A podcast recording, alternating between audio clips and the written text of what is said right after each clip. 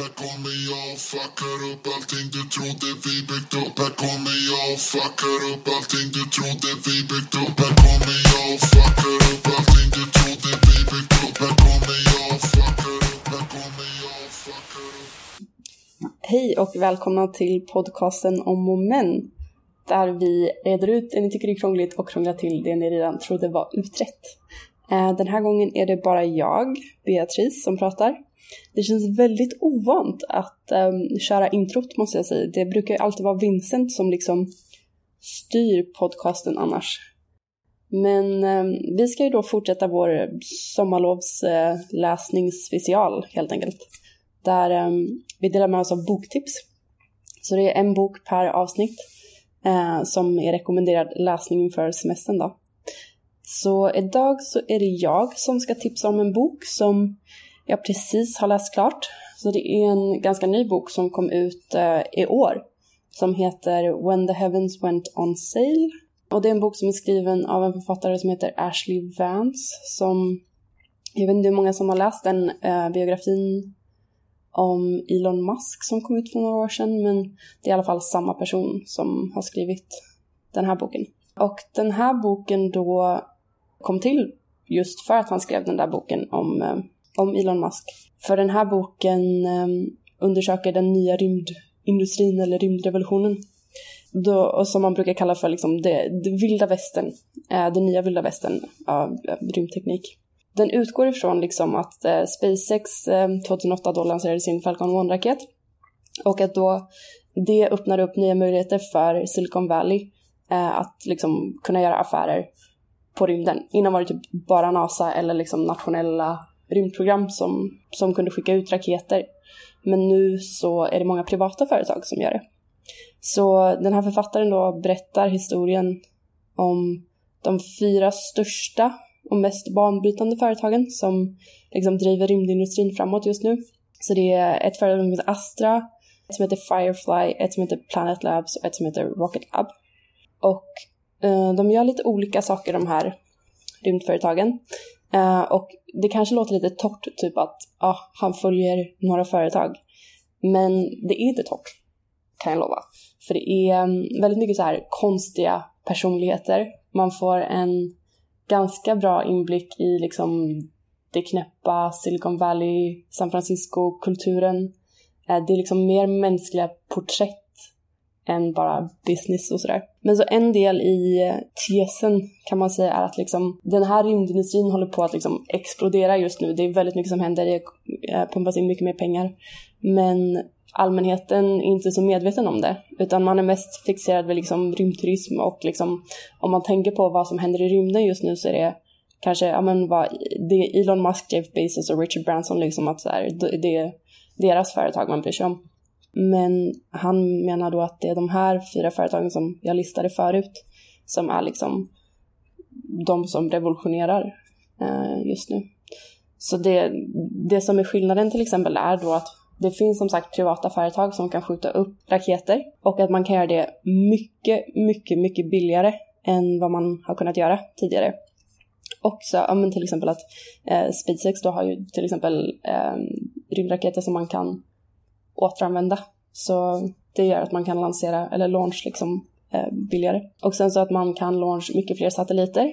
Så att vi har en mycket liksom eh, större översikt över jorden och kan liksom, nu är typ varje centimeter av eh, Tellus liksom övervakat. Men så eh, anledningen till att jag plockade upp boken till att börja med var för att det var de, två av de här företagen, Astra och Planet Labs, är sådana företag som vi har haft mycket samarbeten med på mitt jobb på Foresight. Så jag tänkte att jag kanske kan prata lite mer om de två företagen just. Planet Labs då är eh, ett företag som, det är världens största satellitföretag. Och de grundades av tre personer. Då är det Will Marshall, Robbie Schindler och Chris Bachhausen det de gör är att de skickar ut mycket, mycket billigare satelliter och liksom de har övervakning över hela jorden. Så deras mission var liksom att avbilda jorden varje dag så att man kan se förändringar. Så till exempel att man kan se miljöförändringar eller man kan se hur flyktingar rör sig eller liksom jordbruk förändras eller försvar, försvarshändelser. Alltså så här, det går att se på satellitbilder. Och det är en ganska rolig historia kring hur de började, för det de gjorde var liksom det första testet de gjorde för att se om liksom deras, eh, om det skulle kunna funka deras företagsidé, att ha mycket fler och mycket billigare satelliter. Innan, innan de började så var det typ bara NASA liksom, eh, och som sagt nationella rymdprogram som skickade ut satelliter. Och en NASA-satellit, alltså okej, okay, citera mig inte på det här, men jag tror det är så här, i alla fall en miljard dollar eller någonting typ. Att det är liksom genomsnittskostnad Ehm, för NASA, eller det var genomsnittskostnad för NASA att skicka ut en satellit. Och man skickar ut liksom någon om året eller ehm, liksom så. Väldigt sällan helt enkelt. Medan Planet Labs skickar upp så här 80 satelliter i taget nu och som sagt har övervakar hela jorden. Um, men det man gjorde var, jag tror det var ungefär 2000 2010 eh, eller så, så var um, Will Marshall då ville undersöka en tes där han tänkte att så här, tekniken har utvecklats så sjukt mycket de senaste åren. Så det är inte bara liksom um, NASA som har tekniken som krävs för att avbilda jorden. Så det de gjorde var att skicka upp en mobiltelefon, alltså jag tror det var en iPhone, um, att skicka upp den i en satellit och liksom göra så att den tog bilder på jorden. Uh, och det funkade. Alltså att skicka upp en mobiltelefon som tog bilder och det resultatet var liksom, alltså det var inte perfekta superhögt upplästa bilder såklart, men det var bra och användbara bilder. Så det var liksom, när de hade lyckats genomföra det så var det så här, de fattade att okej, okay, vi kommer kunna liksom öka effektiviteten supermycket eh, och skala liksom satellitövervakningen över jorden väldigt, väldigt mycket med den här tekniken. Då grundade de Planet Labs helt enkelt. Och då i eh, sann Silicon Valley-anda så grundade de det liksom i ett garage i början. De bodde i ett eh, kollektivhus i, eh, alltså jag tror Palo Alto eller något, som de kallade för Rainbow Mansion. Eh, så de liksom levde och jobbade ihop konstant. Och det som är roligt är att de fortfarande bor i ett kollektiv och lever och jobbar ihop liksom. Um, nu bor de, de, de har startat ett nytt kollektiv inne i San Francisco som uh, heter The Embassy. Så det är där jag brukar bo när jag är i San Francisco. Men jag tycker bara det är så här, det är väldigt, väldigt kul för nu är det så här, det är ett superstort företag, de har gjort IPO, är liksom som sagt världens största satellitföretag. Men de bor liksom i ett litet sketet rum i ett kollektiv. Och det är lite kul för också i boken då så kallar Ashley Vance de här personerna för space hippies. Alltså att de är så här, um, lite vänsterorienterade uh, rymdkapitalister.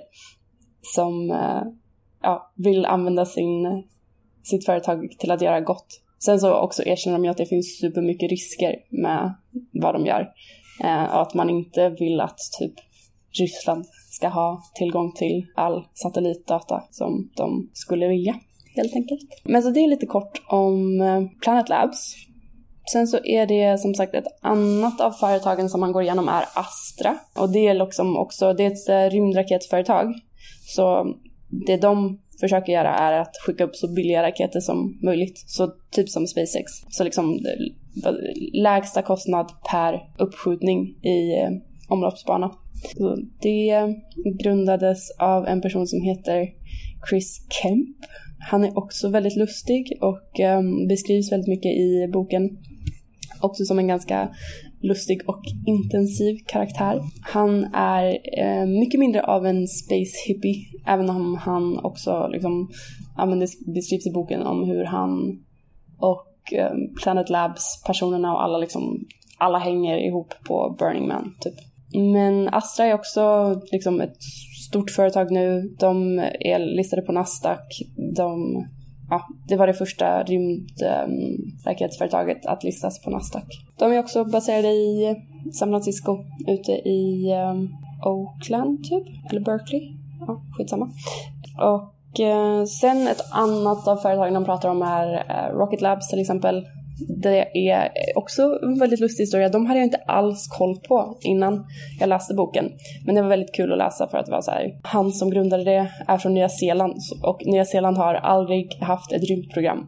Så han fick liksom jobbar väldigt mycket motvind. Det finns ingen som vill investera i rymdraketer på Nya Zeeland.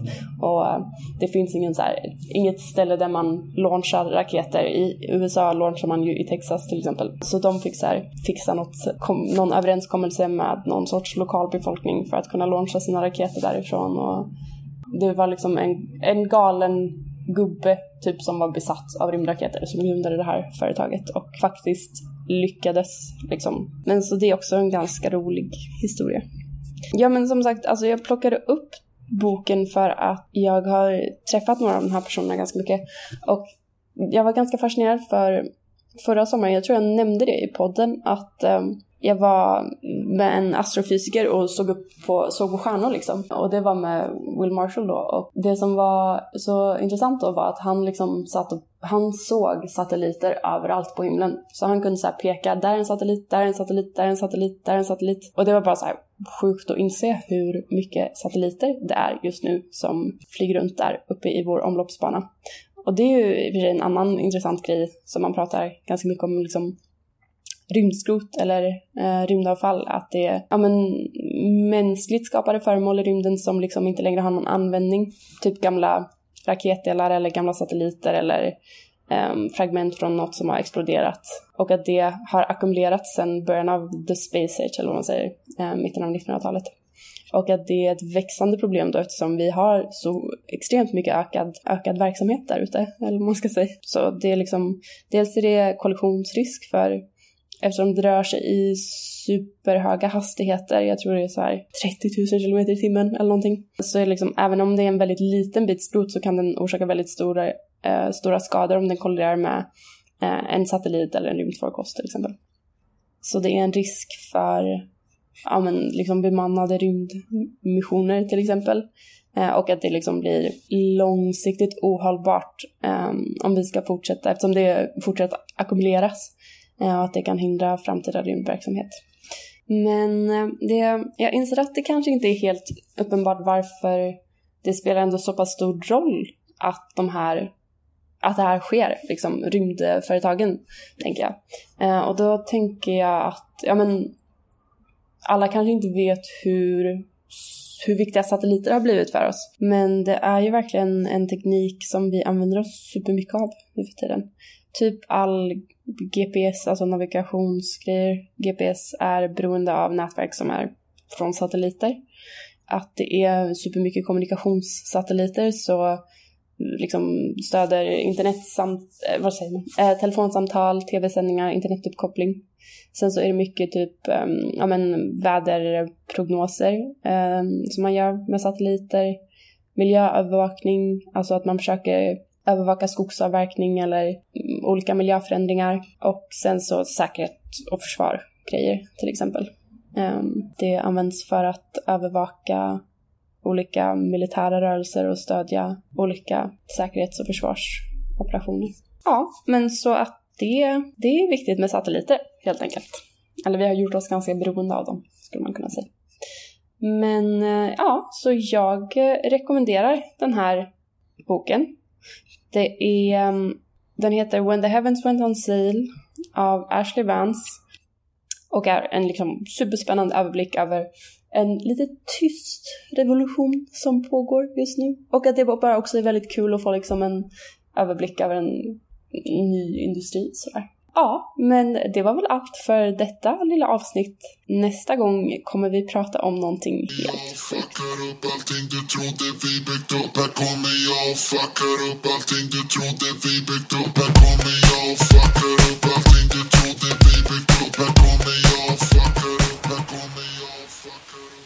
Vi har en mejladress om och men at gmail.com om och men gmail.com. Hör gärna av er om ni har några förslag på ämnen vi kan ta upp i podden eller om ni undrar något. Vi kommer att svara på alla mejl. Tack för att du har lyssnat. Vi hoppas att du vill lyssna även på nästa avsnitt som kommer på måndag.